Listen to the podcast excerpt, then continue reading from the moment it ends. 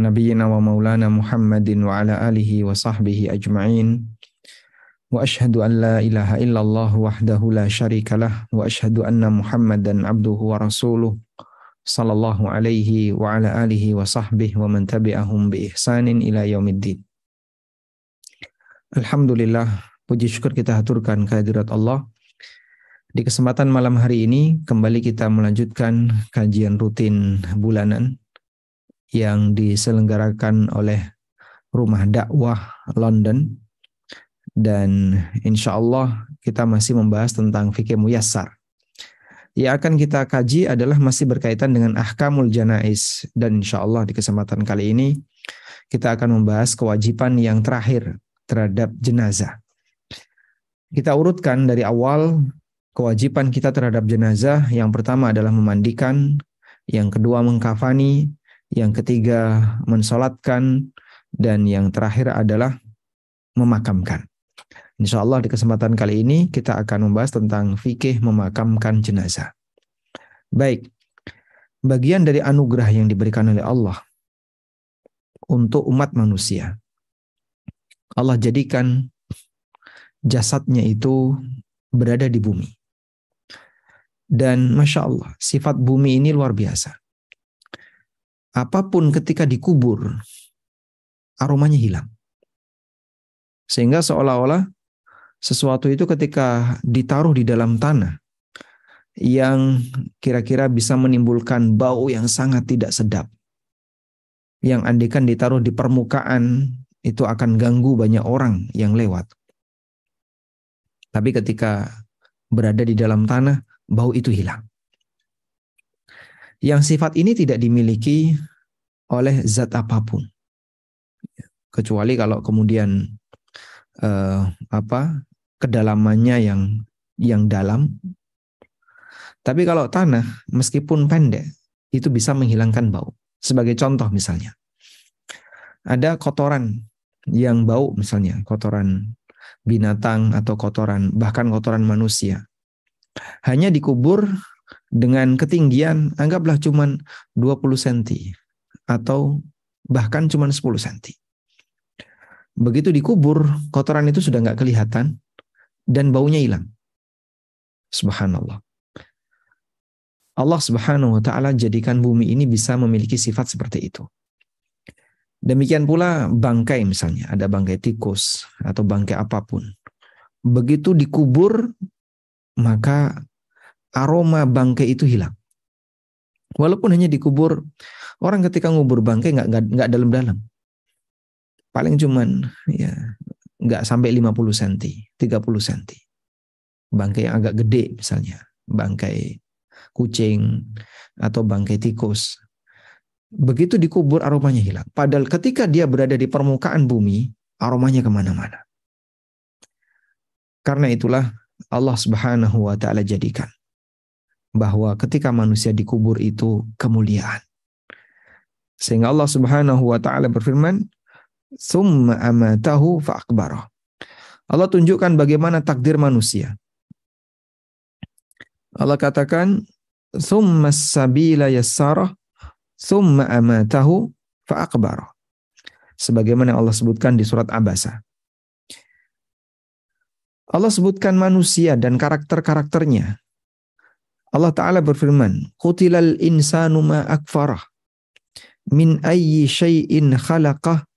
Min nutfatin khalaqahu faqaddarah. Thumma sabila yassarah.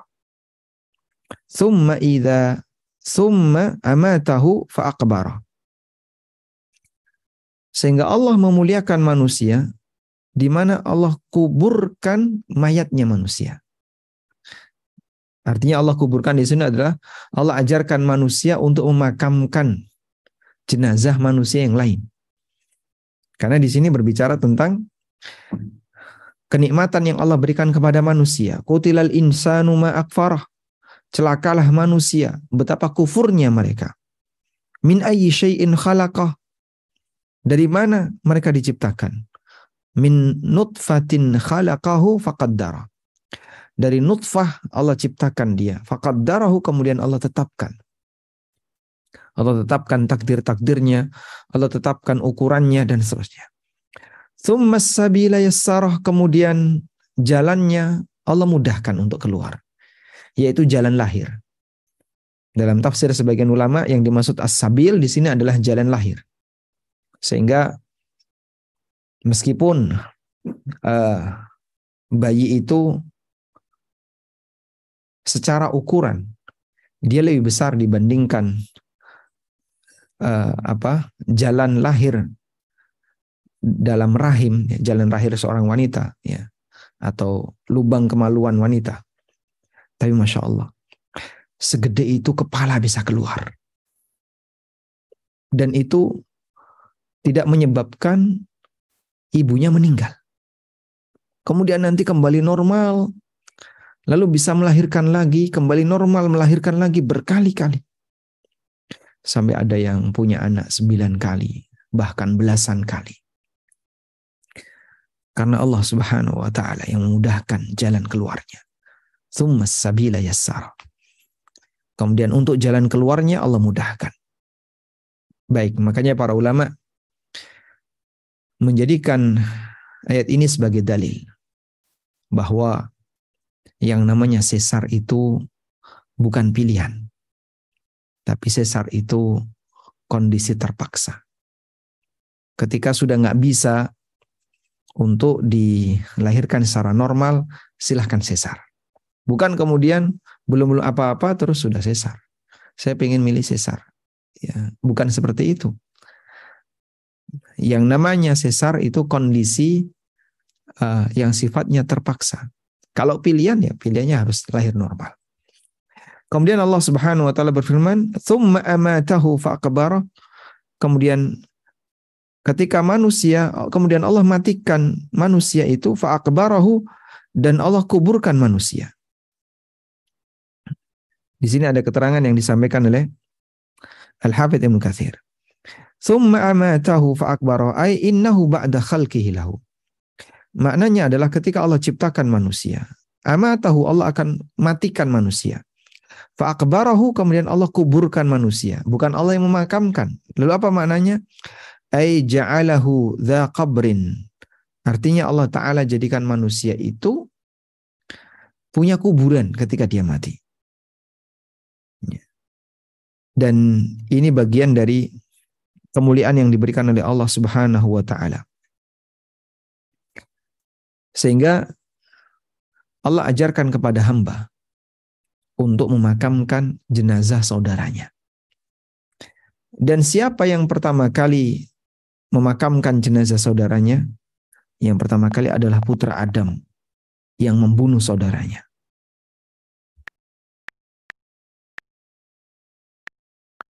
Sebagaimana yang Allah firmankan di surat Al-Maidah ayat 31. Dia diajari oleh gagak. Fatawwa'at lahu nafsuhu qatla akhihi faqatalahu fa'asbaha minal khasirin. Maka jiwanya meronta-ronta untuk membunuh saudaranya. Akhirnya dia bunuh itu saudaranya. Fa'asbaha minal khasirin. Dan dia menjadi orang yang rugi. Faba'athallahu ghuraban. Dalam posisi itu, dia nggak tahu apa yang harus dilakukan. Dia membawa mayat saudaranya dan bingung harus apa yang harus dilakukan? Padahal ketika itu jumlah manusia hanya beberapa orang saja. Lalu Allah Subhanahu wa taala mengutus gagak. Allah mengirimkan gagak. Ya bahasu fil ardi yang dia uh, apa berjalan di muka bumi atau mencari tempat di muka bumi liyuriyahu kaifa yuwari sawata akhi untuk menunjukkan kepada orang ini bagaimana cara memakamkan dan menguburkan jenazah saudaranya. Qala maka orang ini mengatakan, Ya wailata a'ajaztu an akuna mithla hadzal ghurabi fa uwariya sawata akhi fa asbaha minan nadimin. Sungguh celaka aku. Apakah saya akan kalah dengan gagak itu? Di mana dia bisa menguburkan mayit temannya sama gagak Sementara aku kenapa nggak bisa? Akhirnya dia tiru. Sehingga kemudian dia kuburkan jenazah saudaranya yang dibunuh. Fa'asbaha minan nadimin dan dia pun menyesalinya. Dan ada banyak sekali uh, tafsir yang disampaikan oleh para ulama berkaitan dengan ini. Ada yang mengatakan dalam keterangan dari Abduhak ya, dari Ibnu Abbas radhiyallahu anhu wallahu alam apakah itu sahih dari Ibnu Abbas atau tidak tapi ini disebutkan dalam tafsir Ibnu Katsir. Maka sayahmilu akhahu fi jarabin ala atik ala atiqahi sanatan hatta ba'athallahu al-ghurabaini farahuma yabhathan. Orang yang membunuh ini dia mikul jenazah saudaranya ditaruh di atas ranjang kemudian diangkat. Itu selama setahun. Keliling-keliling selama setahun. Sampai kemudian Allah Subhanahu wa taala mengutus gagak yang bertugas untuk men mengajarkan kepada orang ini bagaimana cara memakamkan jenazah. Masya Allah.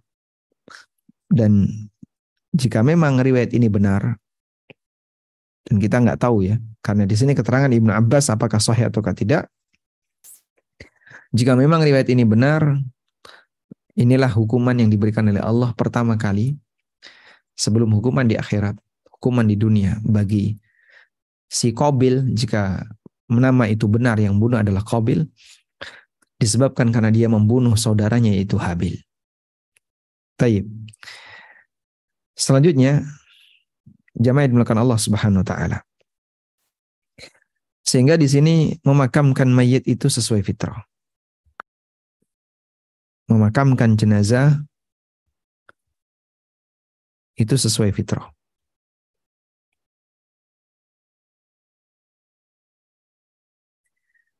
Sehingga sangat berbeda dengan kebiasaan jenazah tidak dimakamkan. Ada yang dibakar, ada yang ditaruh di bawah pohon, ada yang ditaruh di atas gua, ya. ada yang ditaruh di mana di rumah, ada yang ditaruh di depan kur, di depan rumah dikasih kursi, kemudian didandani, gitu. Dan itu cukup banyak uh, apa tradisi di Indonesia dengan beragam warna. Ada yang dikasih mumi, ada yang dijadikan mumi dikasih balsem. Semua kebiasaan di mana jenazah tidak dimakamkan ini pertama biaya besar. Yang kedua yang kedua tidak menghormati manusia. Jelas. Coba bayangkan ketika kita punya luka, luka itu kita tutupi.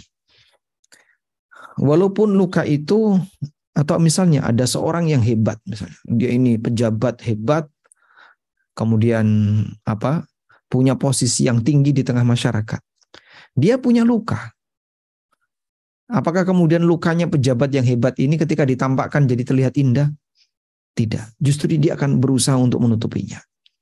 Diperban, ditutupi, biar nggak kelihatan.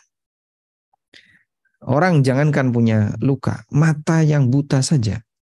Kadang dia merasa malu ketika tampak di depan orang lain. Akhirnya apa? Dia pasang kacamata hitam. Biar orang lain nggak lihat matanya.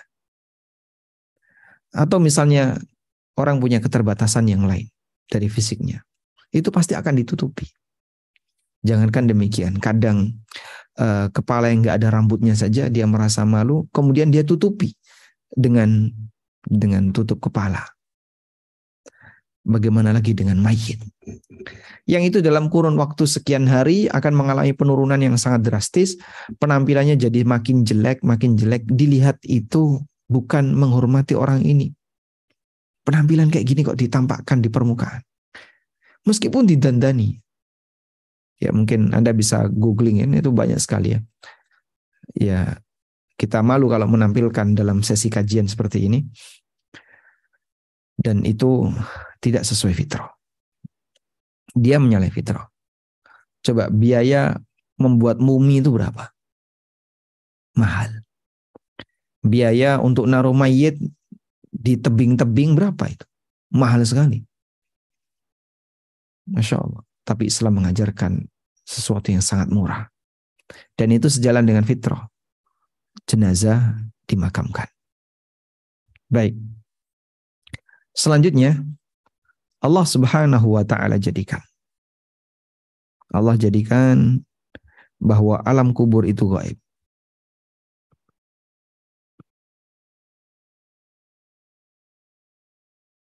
Alam kubur itu gaib. Sehingga dalam posisi ketika alam kubur itu gaib, maka manusia tidak tahu apa pun yang terjadi di alam kubur ini, baik suara maupun eh, penampilan, aneka kegiatan di dalam kubur itu ada apa, nggak ada yang tahu. Allah jadikan alam kubur itu gaib. Sehingga dengan ini ketika alam kubur itu gaib, maka ya manusia tidak takut untuk kekuburan.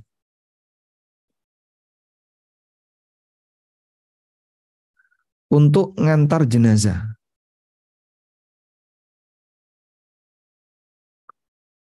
Andaikan mereka dibukakan oleh Allah hal yang gaib ini sehingga dia bisa mendengar suara atau bisa menyaksikan kuburan itu ada yang disiksa, ada yang di apa misalnya ada yang diluaskan sejauh mata memandang dan seterusnya ada yang dihimpit maka mungkin manusia akan ketakutan ketika di kuburan. Karena itu Rasulullah SAW pernah mengatakan dalam sebuah hadis yang sahih. Dari Anas bin Malik radhiyallahu anhu Rasulullah SAW bersabda laula an tadafanu la da'autu Allah azza wa jalla ayyusmi'akum min adzabil qabri ma asma'ani. Andaikan bukan karena kegiatan kalian yang saling memakamkan jenazah, aku akan berdoa kepada Allah agar Allah memberikan kesempatan kepada kalian untuk diperdengarkan azab kubur ma asma'ani sebagaimana Allah memperdengarkan aku terhadap azab kubur. Dan hadis ini riwayat Muslim dan yang lainnya. Ya. Baik. Namun Nabi SAW tidak melakukannya. Sehingga beliau tidak mendoakan, tidak berdoa kepada Allah mohon agar para sahabat diberi kesempatan untuk bisa mendengar azab kubur. Dan itu kenikmatan yang besar. Masya Allah. Karena itu hal gaib jangan kepo. Ya. Gaib, biarlah gaib. Tetap gaib. Artinya bagaimana? Terhadap hal yang gaib, Anda tidak perlu kepo. Sehingga hal yang gaib, biarlah tetap gaib.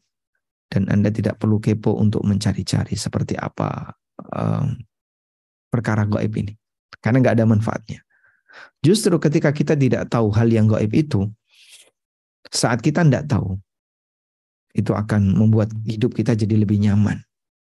Bergerak ke kanan, kita nggak takut. Bergerak ke kiri, kita nggak takut.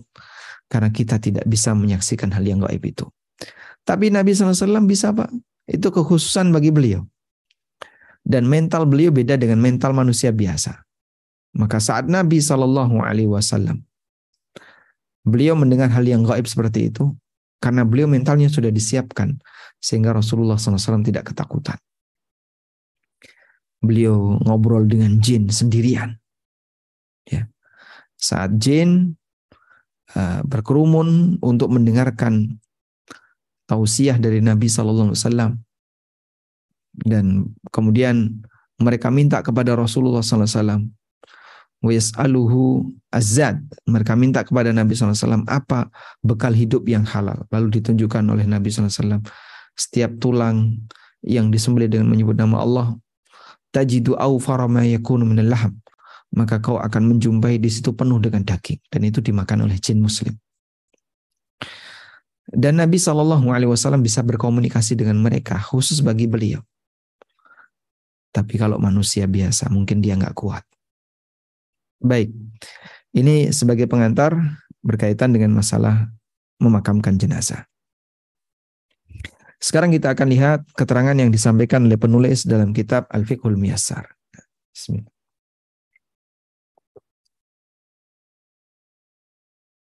Nulis menyebutkan Al-Mas'alatus Sabi'ah. Pembahasan yang ketujuh. Hamlul janazah hamlul janazati wasairu biha. Mengantarkan jenazah gitu aja. Yusannu ittiba'ul janazati wa tasyi'uha ilal qabri. Dianjurkan untuk mengiringi jenazah, mengantarkan jenazah dan mengiringinya sampai ke kuburan. Liqaulihi sallallahu alaihi wasallam berdasarkan sabda Nabi SAW, Man syahidal janazah hatta yusalla alaiha, siapa yang menghadiri kegiatan jenazah sampai dia disolatkan.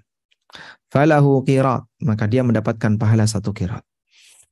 Wa man syahidaha hatta tudfan, dan barang siapa yang ikut menghadiri jenazah sampai dia antarkan di pemakaman falahu qiratan maka dia mendapatkan pahala dua kirat.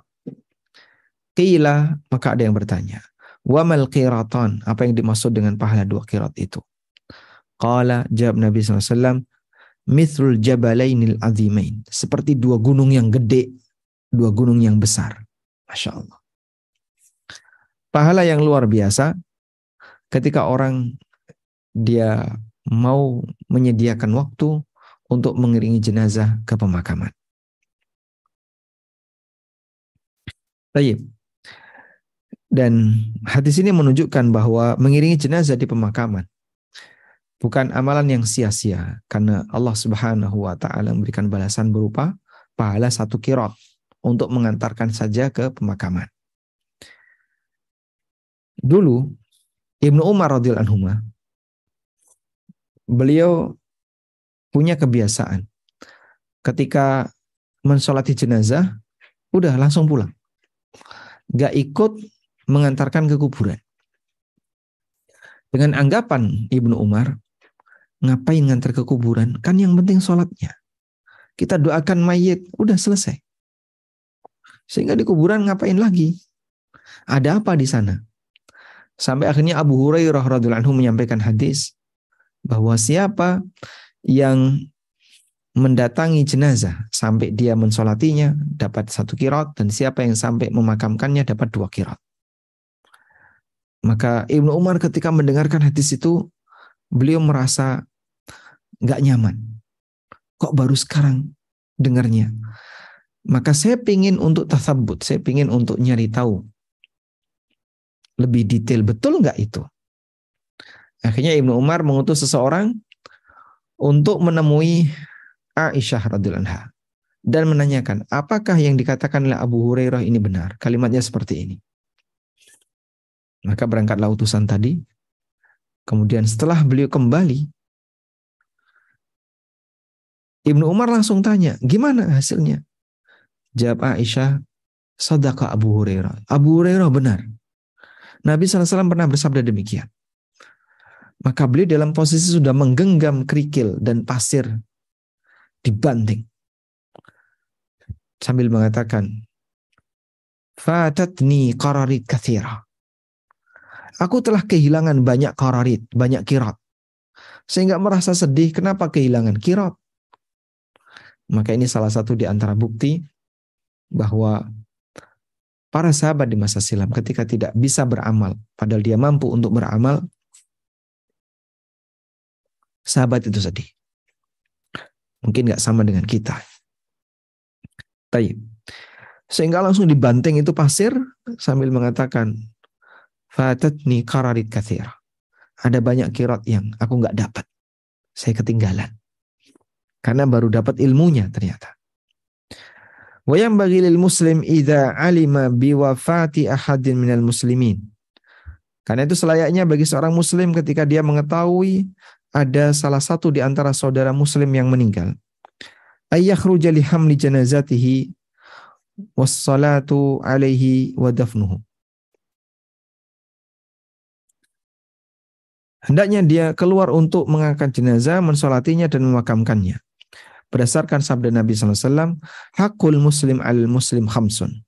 Kewajiban muslim kepada muslim yang lain ada lima. Lalu disebutkan, Raddus salam, wa iyadatul marid, wa tiba'ul janais. Menjawab salam, menjenguk orang yang sakit, mengiringi jenazah. Wa yata'akkadu dhalika idza lam yakhruj ahadun fi janazatihi. Dan lebih uh, ditekankan lagi apabila ada orang yang lam yakhruj apabila tidak ada satupun orang yang mau mengurus jenazahnya. Wala ba'sa bihamliha fi sayyaratin au ala dabah. Dan tidak masalah jenazah itu ditaruh di atas sayyarah, di atas mobil, atau di atas dabah. Atau uh, dabah itu motor ya. Wala siyama karena ini jenazah ya berarti mungkin ya, kendaraan di masa silam. Wala siyama idza kanatil maqbaratu ba'idah terlebih ketika sampun uh, ketika kuburannya adalah jauh. Wa 'alal mutabi' lahal musyarakah fil hamli. Dan hendaknya yang mengiringi bisa gantian dalam mengangkat jenazah. Baik. Kemudian dan dianjurkan untuk memakamkan mayit di kuburan khusus bil mauta khusus untuk mayit. Artinya jangan dicampur dengan rumah warga. Memakamkan jenazah di pekarangan ya. sehingga jadinya ini rumah lapangan atau halaman ada kuburan. Nanti rumah mana lagi? Ada kuburan. Islam nggak ngajarin kayak gitu kok. Yang lebih tepat gimana? Yushra'u dafnul mayyit fi maqbaratin khasah bil mauta. Disyariatkan untuk memakamkan jenazah di tempat khusus untuk kumpulan mayit. Wali anna Nabi sallallahu alaihi wasallam kana yudfanu kana yadfanul mauta fi maqbari fi maqbaratil baqi. Karena Nabi SAW memakamkan para jenazah di masa silam itu di makam baki.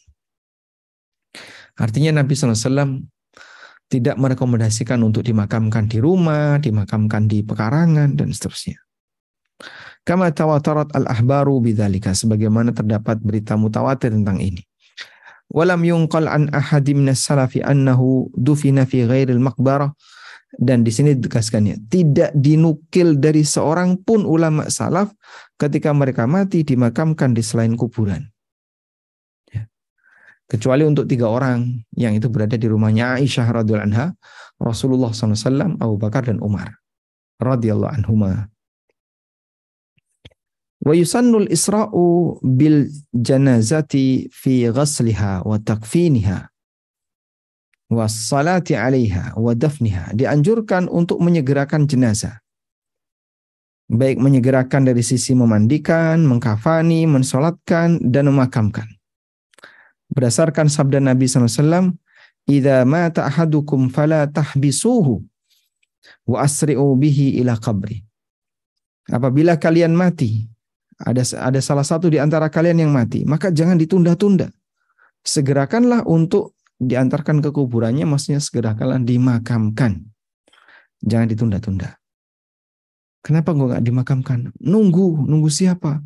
Anaknya kapan pulang? Lima hari lagi baru sampai. La haula wala quwata illa billah. Wa ma yaf'aluhu ba'dun nas min ta'khiriha wa naqliha min makanin la akhar. Dan perbuatan sebagian masyarakat dengan menunda pemberangkatan jenazah atau dipindah dari satu tempat ke tempat yang lain atau ikhtiyaru yaumin min usbu atau milih hari tertentu untuk pemakaman tudfanu fihi Fahada kulluhu khilafus sunnah. Maka model ini semua menyalahi ajaran sunnah. Sebagaimana disyariatkan untuk mempercepat langkah ketika membawa jenazah. Berdasarkan sabda Nabi SAW, Asri'u bil janazati. Segerakanlah penanganan jenazah. Masya Allah. Jadi Islam ngajarin kayak gitu. Segera ke jenazah. Penanganan jenazah jangan ditunda-tunda.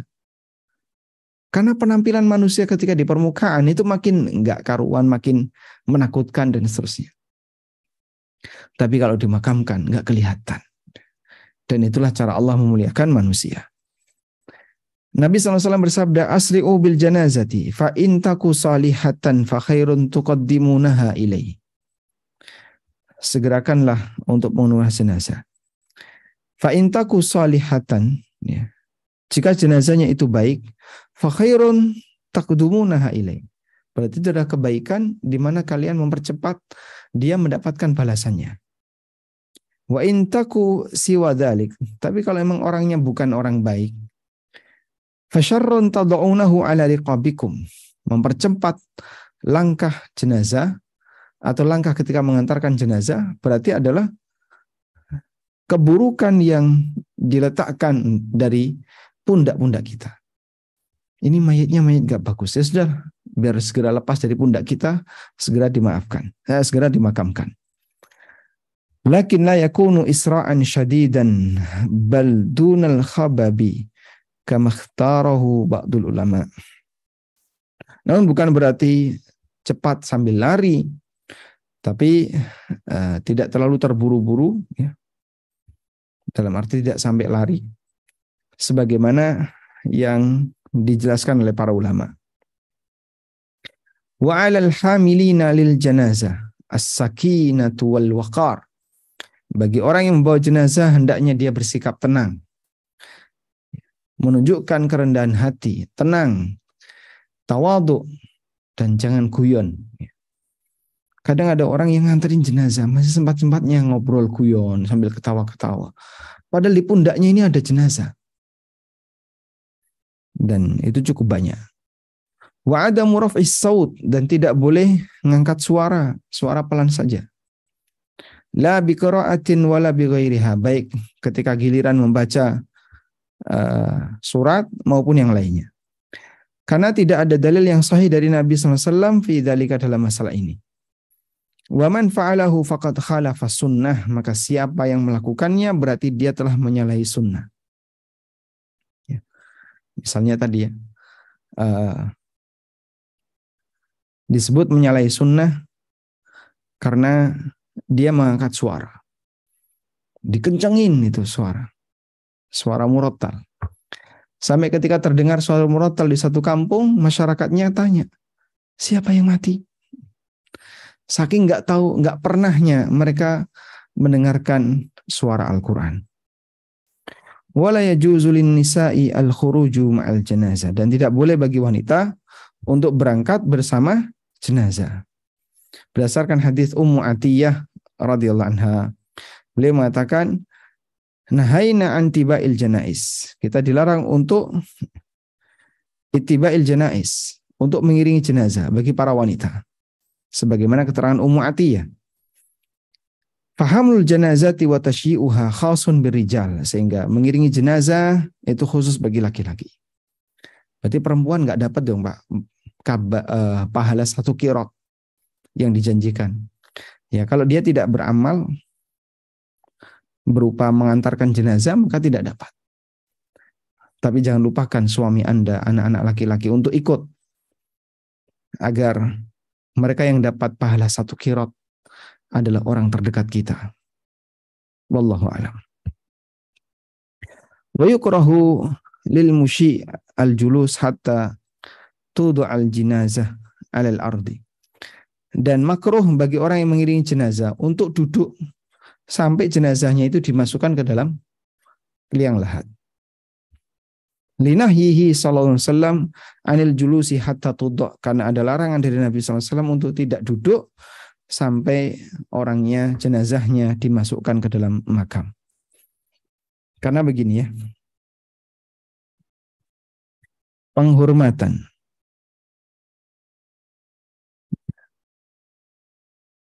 Penghormatan kepada mayit. Penghormatan kepada mayit adalah dengan berdiri ketika ada jenazah lewat. Ya, berdiri itu penghormatan. Berarti lawannya yaitu duduk. Ini bukan penghormatan. Ada siapa? Kita berdiri sebagai menghormati. Ya. Maka jenazah diberi penghormatan dengan cara uh, para pengiring itu tidak boleh duduk sebelum jenazah ini masuk ke dalam liang kubur. Wallahu alam.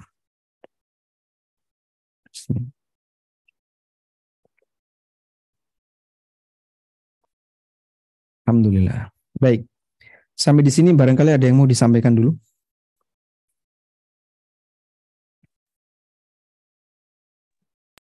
Uh, ini sebenarnya uh, sekarang suara saya terdengar Ustaz? Terdengar Alhamdulillah. Baik Pak Roland, silahkan. Mohon maaf tadi ada update tiba-tiba Zoom ya. Um, ini sebenarnya udah ada dua pertanyaan Ustaz, cuman tadi sepertinya Ustaz sudah ada menjawab sedikit. Uh, boleh saya share aja screen-nya Ustaz? Coba silakan. Mungkin... yang sesuai topik dulu ya Ustaz ya. Ini yang pertama. Assalamualaikum warahmatullahi wabarakatuh Ustaz. Mohon petunjuknya apakah Mohon petunjuknya apakah dalam Islam ada kriteria tempat pemakaman? Misalnya yang lokasi tadi uh, selain tidak boleh di masjid atau dijadikan masjid Ustaz. Uh, tadi kan Ustaz bilang ada uh, tempat um, memakamkan jenazah khusus ya Ustaz ya. Jadi di lokasi umum ya, tempat pemakaman umum ya apa ada kriteria lain Ustaz? Mungkin pertanyaannya jadinya Ustaz. Nah. Waalaikumsalam warahmatullahi wabarakatuh. Yang kami pahami intinya dia bukan di tanah masjid. Satu. Yang kedua eh, apa? Tanah itu adalah tanah yang bukan tanah hasil gosok maupun yang lain. Bersih dari hak orang lain.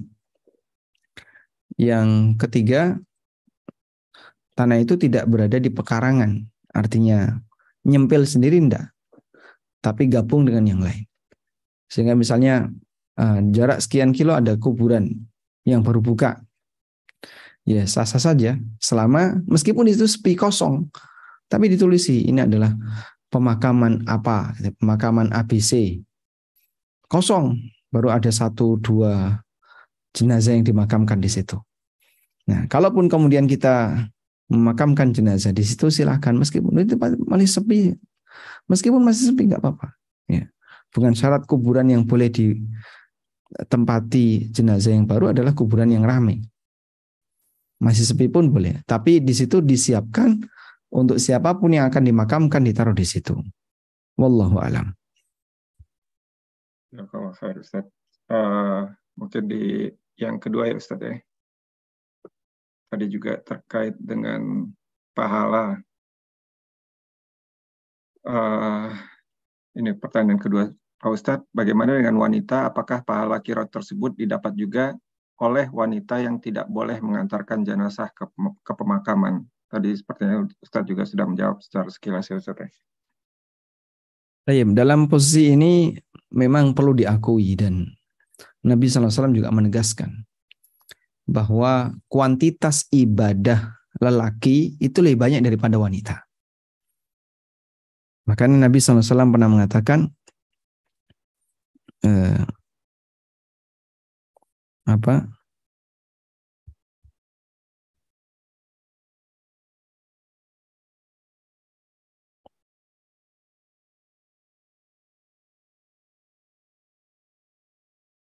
Nabi SAW pernah bersabda, Ma ra'aitu min naqisati aklin wa. Biasanya ada sebenarnya ini. Rasulullah SAW bersabda, aku belum pernah melihat ada makhluk yang secara logika itu kurang, agamanya juga kurang, tapi dia bisa menghilangkan hatinya orang yang cerdas. Pikiran orang yang cerdas itu bisa bisa dipengaruhi oleh makhluk yang kurang akalnya ini. Mingkunna melebihi kalian. Kulna wa ma ya Rasulullah. Kemudian Nabi SAW ditanya, apa itu ya Rasulullah? Qala, Alaysa ihdakunna tamkuthul layali la tusalli wa la tasum.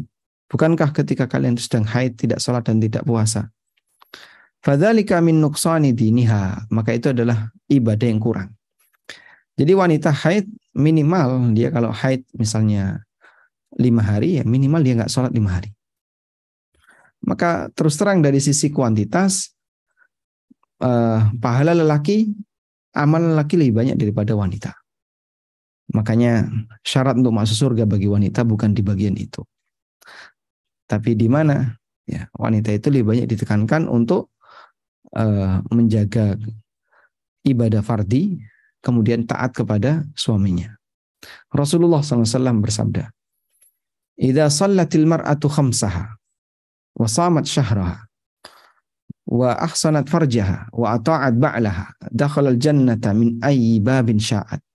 Min ayyi babin sya'a. Apabila uh, ada orang yang atau seorang wanita kata Nabi SAW apabila dia sholat lima waktu. Ida sholatil mar'atu khamsa. Ketika seorang wanita sholat lima waktu. Menjaga puasa Ramadan. Menjaga kehormatannya. Taat kepada suaminya. Dia boleh masuk surga dari pintu arah mana pun. Ya, sehingga di sini kita bisa lihat ya. Tugas wanita berbeda dengan lelaki. Maka di bagian tertentu lelaki yang melakukan. Wanita nggak dapat jatah. Ya. ya memang itulah bagian dari prinsip keadilan. Dan nanti uh, ketika Anda nggak dapat jatah satu kirat, dukung suaminya untuk dapat. Semoga nanti surga suaminya tinggi, dan istrinya ikut naik ke surga yang tinggi. Wallahu alam. Uh, kalau yang sesuai topik pertanyaannya untuk sementara baru itu Ustaz. Uh, ya ini udah ada yang masuk lagi kebetulan. Baik, coba kita lanjutkan ke al-mas'alatu tsaminah. Nanti Baik, pertanyaan itu kita baca setelah ini insya Allah. Al-mas'alatu tsaminah, materi yang ke-8. Dafnul mayyit wa sifatul qabri wa mayusannu fiha. Dianjurkan eh, masalah yang ke-8 adalah memakamkan mayit, kemudian bagaimana cara ya. Wasifatul qabri bagaimana bentuk kuburan yang ideal wa ma yusannu fiha dan apa yang dianjurkan ketika memakamkan jenazah. Kemudian penulis menyebutkan dianjurkan untuk memperdalam kuburan dan membuat luas.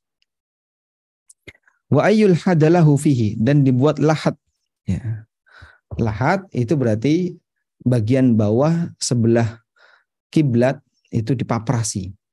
Ya. Bagian bawah ke arah kiblat itu dikasih seperti tempat manusia. Itu namanya lahat. Ada syak, kalau syak itu dilubangi tengah. Kalau lahat dilubangi pinggir.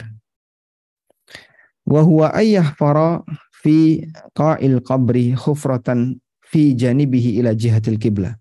Yaitu seseorang menggali fi qa'il qabri di liang kubur kalian yang berada di sebelah arah kiblat. Fa in ta'adzdzara lahat. Kalau nggak mungkin kan menggunakan lahat, fala ba'sa syak, maka gunakan syak, yaitu dilubangi bagian tengah.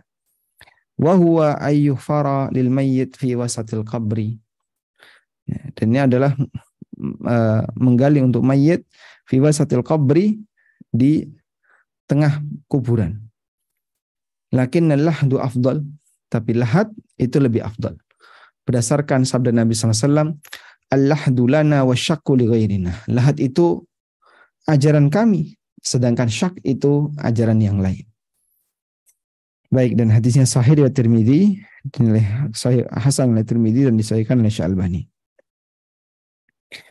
Sudah? Selanjutnya. Wa yudha'ul mayyitu fi lahdihi ala syakkihi ala syakkihi al-aiman. Mayit ditaruh di lahat miring ke kanan menghadap ke arah kiblat kemudian ditutup semua uh, lahat bila bin watin dengan menggunakan batako ya. Summa yuhalu alaihi turab baru setelah itu ditutupi dengan dengan tanah. Wa yurfa'ul qabru 'anil ardi qadra shibrin musannaman.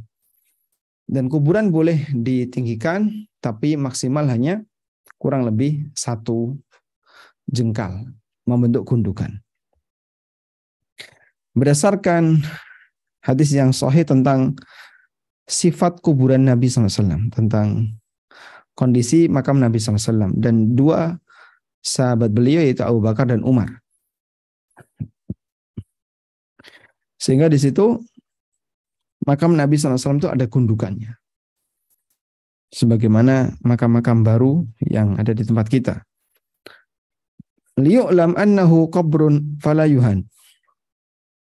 Perlu diketahui bahasanya di sini adalah kuburan, maka tidak boleh dihinakan. Wala ba'sa biwad'i ahjarin au ghairiha ala atrafihi li bayani hududihi wa ma'rifatihi. Dan tidak masalah kemudian dikasih batu di ujung-ujung makam untuk menjelaskan inilah batasan makam dan sebagai tanda pengenal.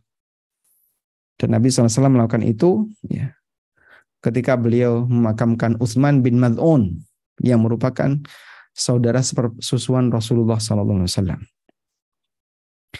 Dan haram untuk membangun bangunan apa pun di kuburan serta melakukan tajsis. Ya.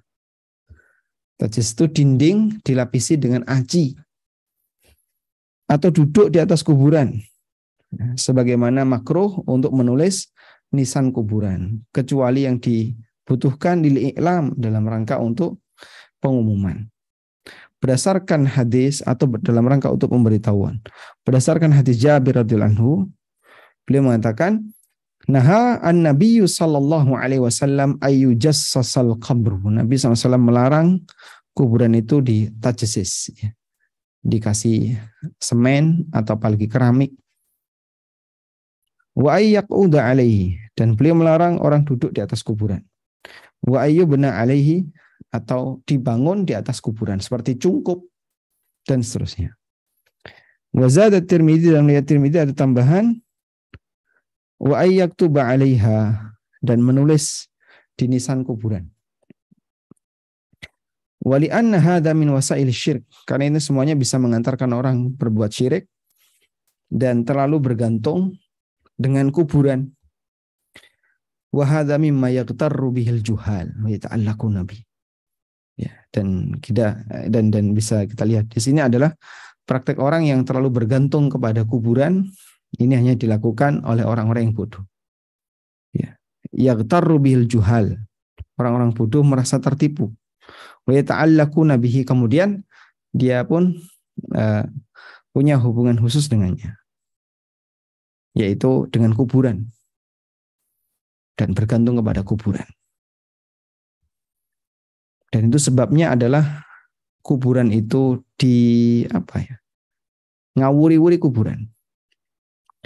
Sejarah seperti itu di beberapa tempat cukup banyak. Nah.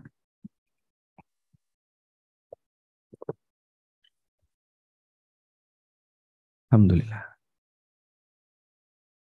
Salah satu di antara anggota keluarga saya ada yang seperti itu. Kita kenal betul ya. Yang namanya terah keluarga. Fulan. Dia ini tinggal di pondok dalam waktu yang lama. Bahkan seingat saya, saya SD, dia sudah mondok. Sampai saya lulus kuliah, dia baru keluar dari pondok. Itu berapa tahun itu, Pak? Masya Allah, panjang sekali. Mondok dan kemudian dia nggak punya aktivitas dan kerjaan apa pun karena dia bukan dai suruh ngomong nggak bisa kalau orang yang ngomong gemeteran tapi dia ngawuri-wuri kuburan ada kuburan keluarga di tempat kami di Lamongan ya kuburan keluarga itu konon katanya keluarga uh, kuburan nenek saya kemudian kakek saya dari ibu, ini keluarga ibu ya. Dan beberapa kuburan yang lain. Dan itu cuma kuburan kecil. Lalu orang ini ngawuri-wuri kuburan tadi, merawat kuburan tadi, terus Masya Allah kuburan itu dibuat kijing, ada yang dikasih cungkup dan seterusnya. Sampai kuburan itu bagus sekali. Nah, terus diklaim, ini adalah kuburan Kiai Darsono. Ya. Kiai Darsono itu katanya uh, dia termasuk orang sakti ya yang dulu pernah singgah di kampung itu sampai akhirnya meninggal di situ. Nah, kemudian ngaku-ngaku saya turunan Ki Tarsono. Punya terah Kiai Tarsono. Akhirnya kuburan itu dimuliakan. Padahal dulu saya masih ingat waktu kecil nggak ada apa-apa. Nggak ada apa-apa waktu kecil. SM, SD, SMP mungkin jarang saya lewat situ. Ya mungkin sekali saya ke SMP. SD kalau SD agak sering. Nggak ada apa-apa, nggak ada aktivitas apa pun di kuburan itu. Belakangan jadi destinasi wisata.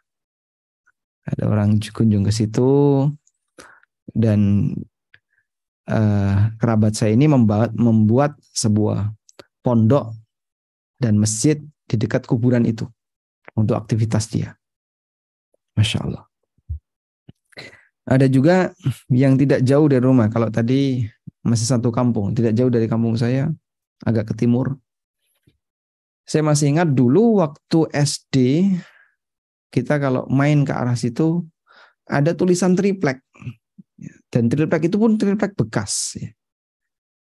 Kemudian ditaruh kursi, ya kursi ya kursi biasa, kursi L Lalu tripleknya ditaruh di atas kursi itu.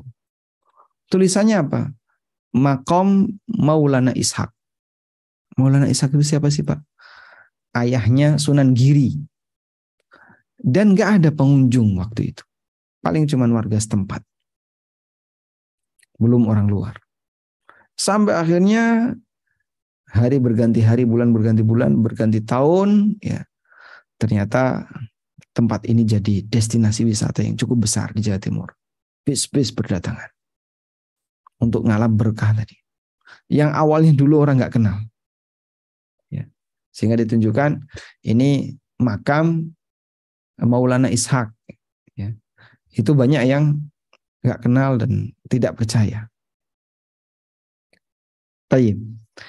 Akhirnya sekarang karena rame jadi destinasi wisata ada pasarnya di situ dan bis-bis kadang masuk untuk siarah satu bis. Masya Allah. Syirik itu bisa berawal dari sesuatu yang kecil akhirnya membesar.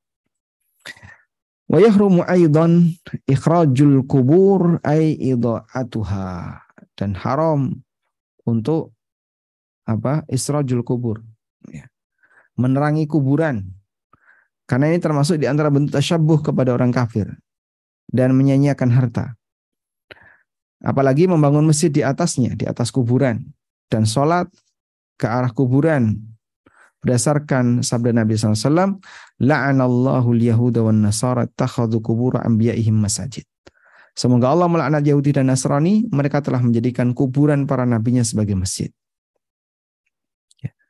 Dan tidak boleh menghinakan kuburan, menginjaknya dengan sandal atau duduk di atasnya dan yang lainnya.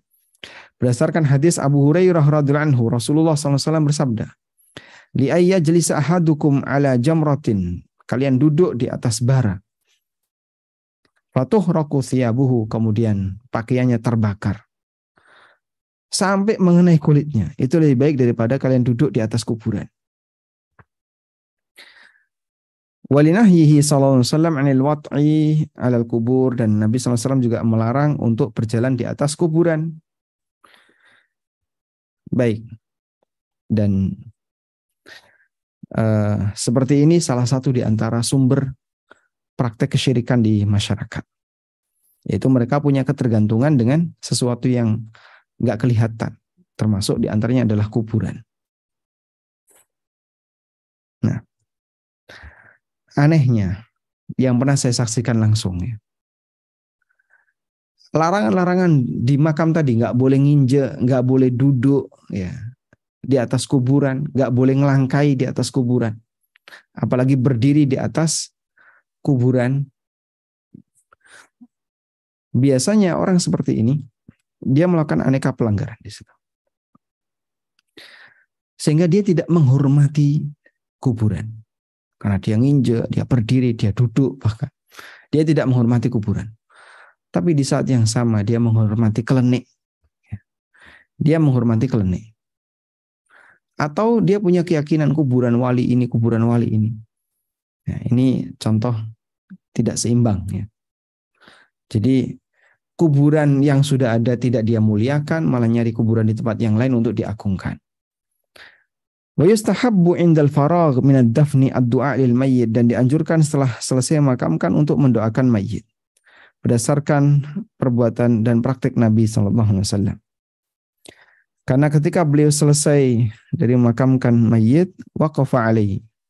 Beliau tetap berada di dekat kuburan yang baru ini. Waqala dan beliau mengatakan, Istaghfiru li akhikum was'alul lahu tathbit fa innahu al-ana yus'al. Mintakanlah ampunan untuk saudaramu, yaitu yang sudah mati ini. Dan mintalah at-tasbit keteguhan ketika dia menjawab pertanyaan malaikat. Fa innahul ana yus'al karena sekarang dia ditanya.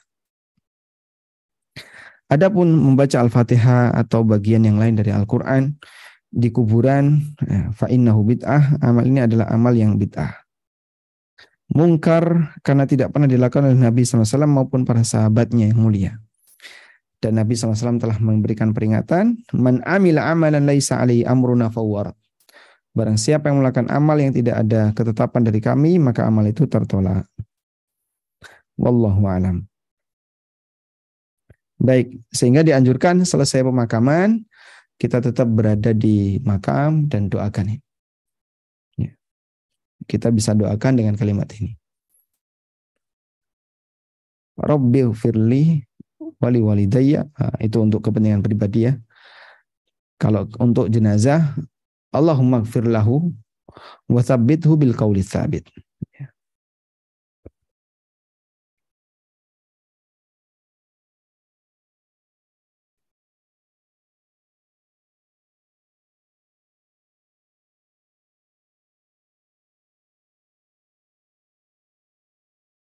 bil tsabit.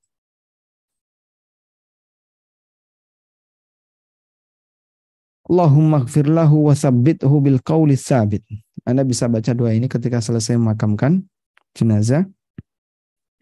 Ya Allah, ampunilah dia dan kuatkan dia dengan kaulu sabit dengan ucapan yang kokoh. Yaitu uh, ketika dia ditanya oleh para malaikat dia bisa jawab dengan mantap. Anda doakan ini. Allahumma gfir lahu wa sabbithu bil qawli sabit. Allahumma gfir lahu wa sabbithu bil qawli sabit. Wallahu alam, mungkin demikian yang bisa kita sampaikan. Semoga bermanfaat. Wassallallahu ala nabiyyina Muhammadin wa ala alihi wa sahbihi wa sallam. Wa akhiru da'wana alhamdulillahi rabbil alamin.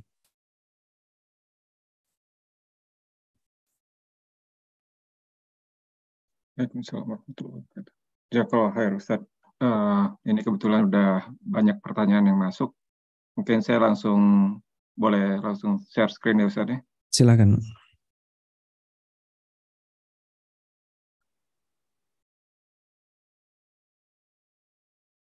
Ini pertanyaan yang nomor tiga, tadi masih terkait dengan pertanyaan yang sebelumnya, yang terakhir sebelumnya Ustaz, yang tentang pahala kirat.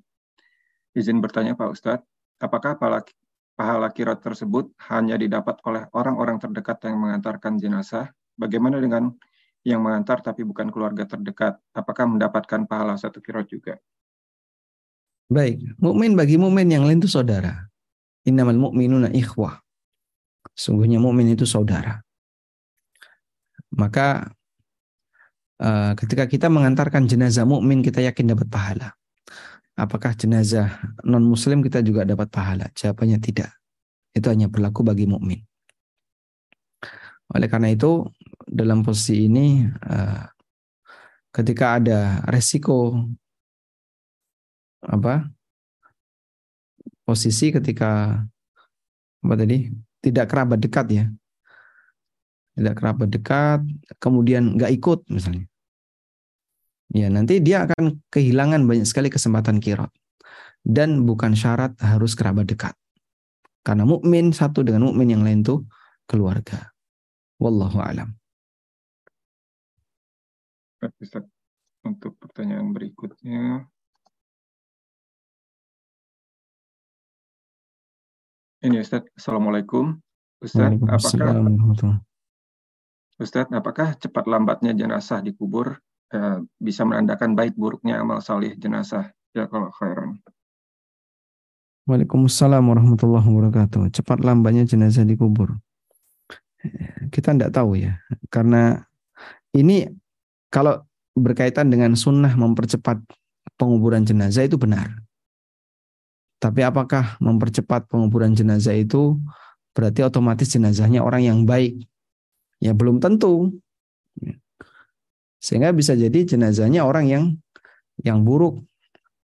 Tapi kita percepat. Makanya Nabi Wasallam mengatakan, "Fainkana khairun fa khairun tuqaddimunahu, fainkana syarrun fa syarrun." Uh, jika itu isinya kebaikan, maka itu adalah jenazah baik yang kalian segerakan dapat pahala. Kalau itu keburukan, ya.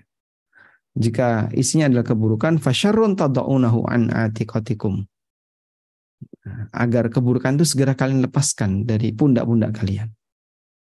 Sehingga di situ menyegerakan belum tentu dia jenazah yang bagus. Terkadang ada jenazah yang punya masalah, ya, dan dia dipercepat juga. Wallahu alam. Baik, Ustaz. Untuk pertanyaan berikutnya, kembali akan saya share screen. Assalamualaikum warahmatullahi wabarakatuh. Assalamualaikum warahmatullahi wabarakatuh, Pak Ustadz. Waalaikumsalam. Apakah boleh menumpuk jenazah dalam satu liang lahat? Bagaimana tata cara menumpuk jenazah dalam satu liang lahat dan perlakuan terhadap jenazah sebelumnya, Ustaz? Ini kayaknya terutama di wilayah kota-kota besar ya, Ustaz. Karena keterbatasan lahan ataupun karena mungkin apa ya eh, pesan dari uh, almarhum atau almarhumah untuk dikuburkan bersama misalnya orang tua atau pasangan begitu Ustaz. Baik. Barakallahu fiik. Pada asalnya nggak boleh ditumpuk, pada asalnya sehingga jenazah itu ya dimakamkan sendiri-sendiri. Anda tidak perlu khawatir wah nanti tanah makam ya penuh kita nggak dapat misalnya. Ya, ya jelas ini keliru ya. Karena bumi ini nggak mungkin penuh dengan yang hidup maupun yang mati sebagai tempat sama-sama di muka bumi ini. Allah Subhanahu wa taala ngasih jaminan. Wa ja'alna al-ardha kifatan ahya'an wa amwata.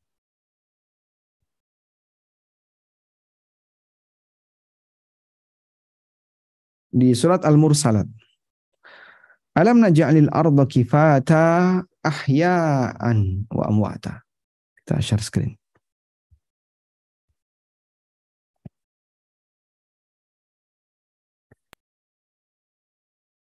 Allah Ta'ala berfirman, Alam naja'alil arda kifata. Bukankah kami telah menjadikan bumi ini cukup.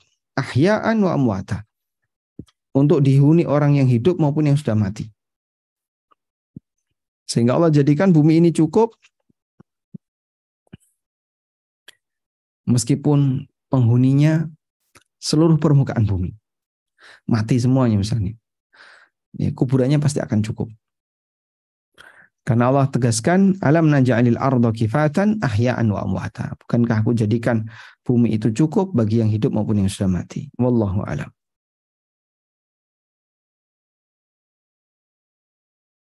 Ya, kalau Ustaz. Tapi kalau untuk, mohon maaf nih Ustaz, mungkin meneruskan pertanyaan yang tadi juga. Kalau sudah ada kejadiannya begitu ditumpuk Ustaz, apakah uh, bagaimana baiknya? Apakah boleh masih boleh dibiarkan atau lebih bagus dicarikan tempat baru untuk eh, jenazah-jenazah uh, yang ditumpuk tersebut Ustaz. Apabila mau ditumpuk, maka jenazah yang lama dicek ini um, tulangnya di mana dan seterusnya. Kalau kemudian tinggal serpian-serpian tulang kecil ya, nanti bisa dikumpulin, taruh di kuburan yang baru, buat kuburan baru. Ya. Tapi kalau kemudian uh, apa itu besar ya maka seharusnya jangan ditumpuk tulangnya masih gede kelihatan bahkan ada tengkoraknya. Jangan ditumpuk. Nah, kalau sudah terlanjur gimana? Kuburan A itu di atas kuburan B. Ya kalau sudah terlanjur jangan dibongkar. Udah biarin aja. Tapi intinya gini. Nabi SAW ngasih peringatan inna kasra inna kasra idhamil mayyit ka kasri hayyan. Orang yang mematahkan tulang mayit itu dosanya sama seperti mematahkan tulang orang hidup. Tidak boleh. Dosa besar ya. Karena itu kalau masih ada jenazah ya jangan dipindah. Biarkan aja di situ. Dan nggak perlu numpuk, taruh di tempat yang lain. Jejer nggak jejer kan nggak ngefek. Karena masing-masing dihisap sesuai dengan pribadinya. Wallahu alam. Ya, Jadi mungkin kalau saya bisa berkesimpulan lebih baik buat kita yang masih hidup sekarang ini untuk berwasiat kalau jenazah kita nantinya tidak ditumpuk dengan yang lain gitu Apa apa perlu sampai ke situ atau bagaimana ini? Kalau ada indikasi nanti jenazah kita akan ditumpuk, maka wajib bagi kita yang faham untuk memberikan nasihat. Jenazah saya jangan ditumpuk. Biarlah terpisah dari orang tua nggak apa-apa. Tapi orang tua di sini semua ini harus kamu bisa dimakamkan di sini. Nggak bebas bisa dimakamkan di mana pun wallahu alam ya kalau harus baik uh, ke pertanyaan berikutnya Bismillah Assalamualaikum warahmatullahi wabarakatuh. Waalaikumsalam warahmatullahi wabarakatuh. Apakah pada saat pemakaman harus ada yang berceramah, memimpin doa? Uh, Allah pada saat menguburkan saudara perempuan kami, kami hanya berdoa sendiri-sendiri. Insya Allah itu sudah benar. Memang ketika ada um, ada pemberian tausiah ketika pengiriman jenazah, mengantarkan jenazah, satu hal yang bagus dalam rangka untuk mengingatkan manusia berkaitan dengan kehidupan setelah kematian. Ya, tapi kalau misalnya tidak memungkinkan, tidak masalah karena ini sifatnya anjuran dan tidak wajib. Wallahu a'lam. Eh, pertanyaan berikutnya. Uh, Bismillah, Afan Ustadz izin bertanya tentang tali yang mengikat kain kafan uh, ini pada saat dimakamkan apakah dibuka atau dibiarkan terikat Ustaz? Jazakumullah khair. Dilepas. Ya, jadi tidak diikat tapi dilepas. Meskipun kafannya tidak dibongkar ya. Jadi cuman tali-talinya dilepas sudah biarin. Sehingga kafan masih menggulung badan tapi talinya dilepasin. Wallahu a'lam. Uh, itu untuk semuanya Ustaz. Biasanya kan ada di uh, di beberapa bagian tubuh ya Biasanya di kaki ada, di badan ada juga awalnya. Itu dilepas semua ya Ustaz ya? Kain kafan di seluruh badan jenazah dilepas semua. Di kepala, ya, di leher, ikatannya dilepas. Bukan ditelanjangi ya. Jangan ya. ditelanjangi. Jadi ikatannya dia dilepas sudah biarin.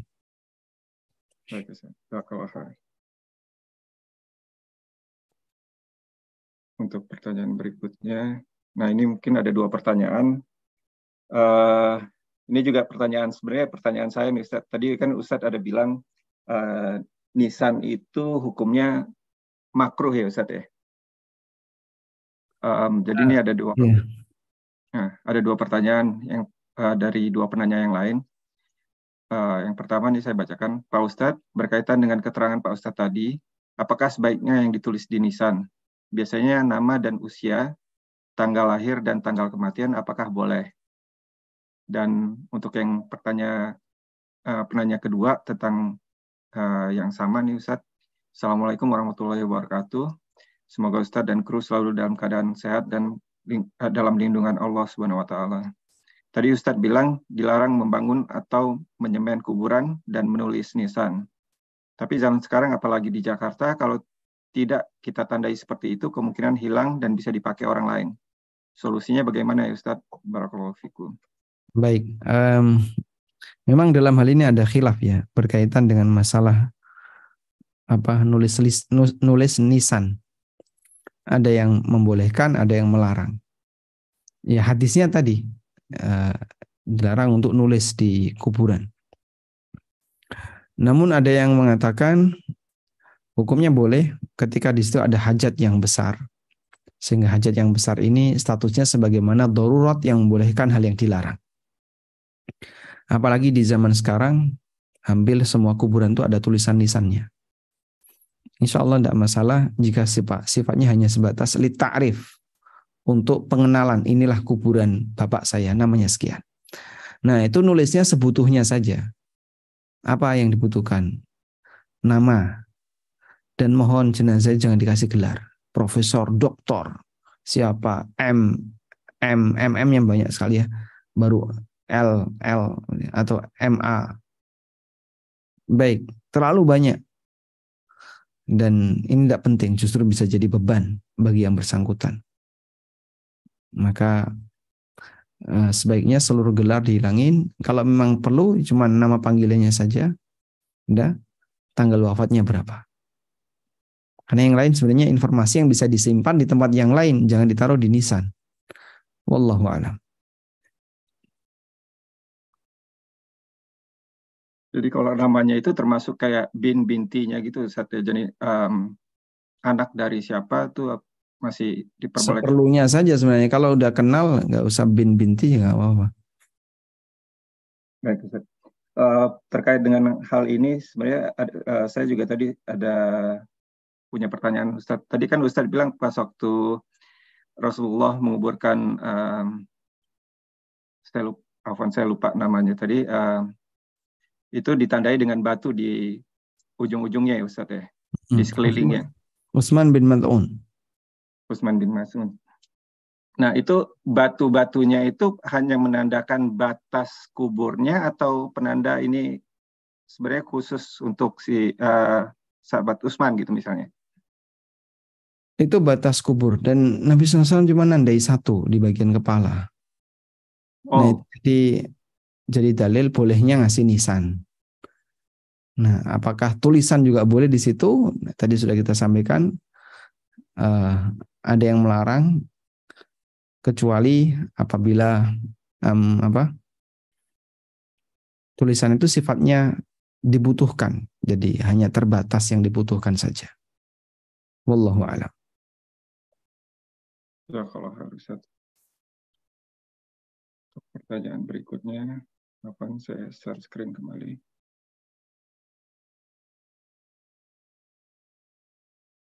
Uh, Assalamualaikum. Waalaikumsalam warahmatullahi Izin bertanya Ustadz, bolehkah di atas kuburan ditanami pohon atau rumput? Terima kasih Ustadz. Waalaikumsalam warahmatullahi boleh ya. Um, yang kami pahami ini boleh. Karena yang dilarang itu tajesis dan tajesis itu pasti menggunakan pasir atau semen atau tanah liat dan seterusnya. Tapi kalau seperti tadi di apa yang tadi? Tulisin nama ya atau oh bukan nih. Eh, dikasih pohon ya kasih pohon. Insya Allah tidak masalah. Wallahu alam.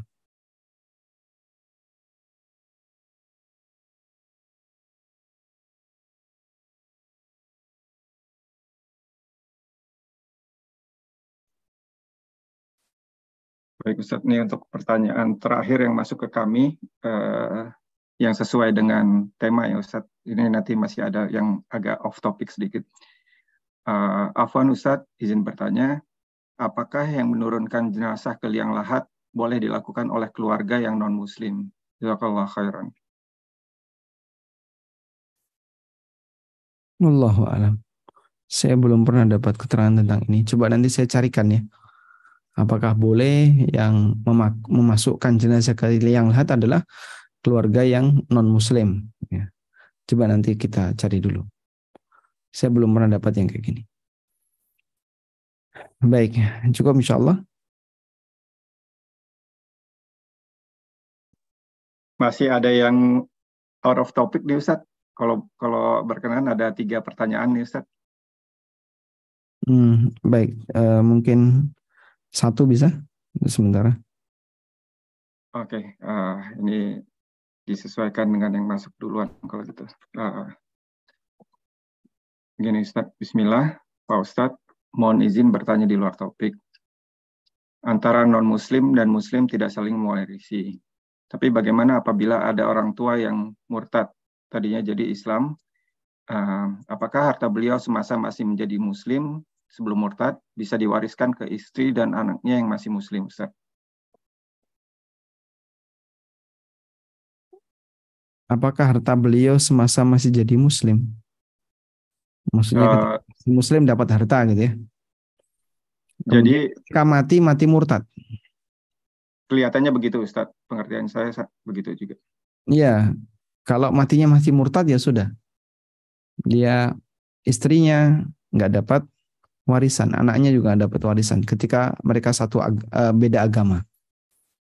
Oleh karena itu dalam hal ini uh, jika suaminya misalnya suaminya murtad tahun 2020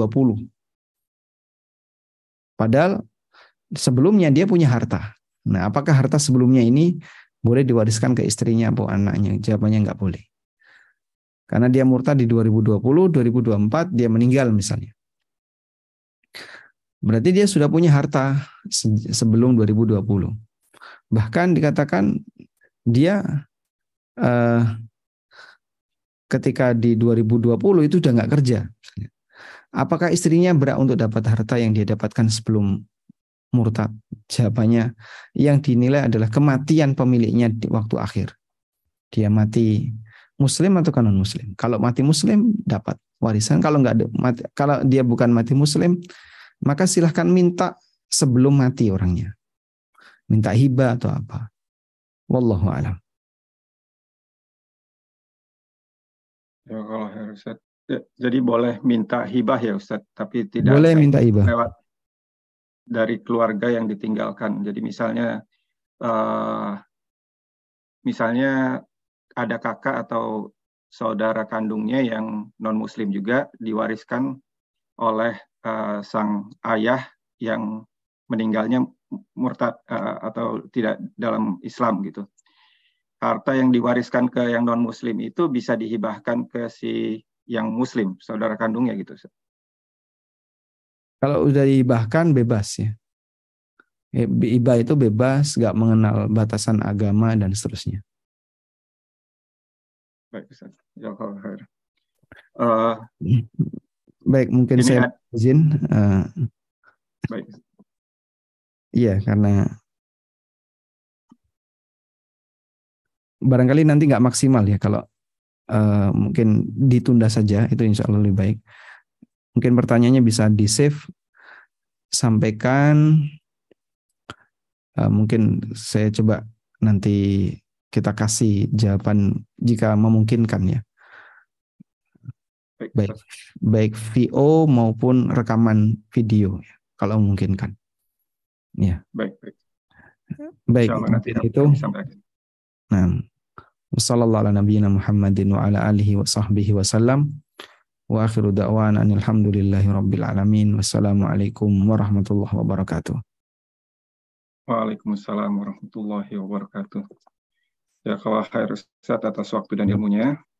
Uh, dengan berakhirnya kajian kali ini, mari kita baca uh, doa kafaratul majelis.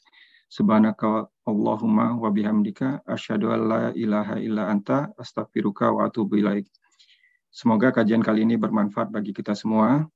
Uh, untuk menyimak kajian, uh, kembali kajian kali ini dan kajian-kajian sebelumnya, silahkan untuk kunjungi uh, channel YouTube uh, Ustadz Aminur Baits ataupun channel YouTube kami di channel Rumah Dakwah UK ataupun lewat platform RSS, Apple maupun Google Podcast.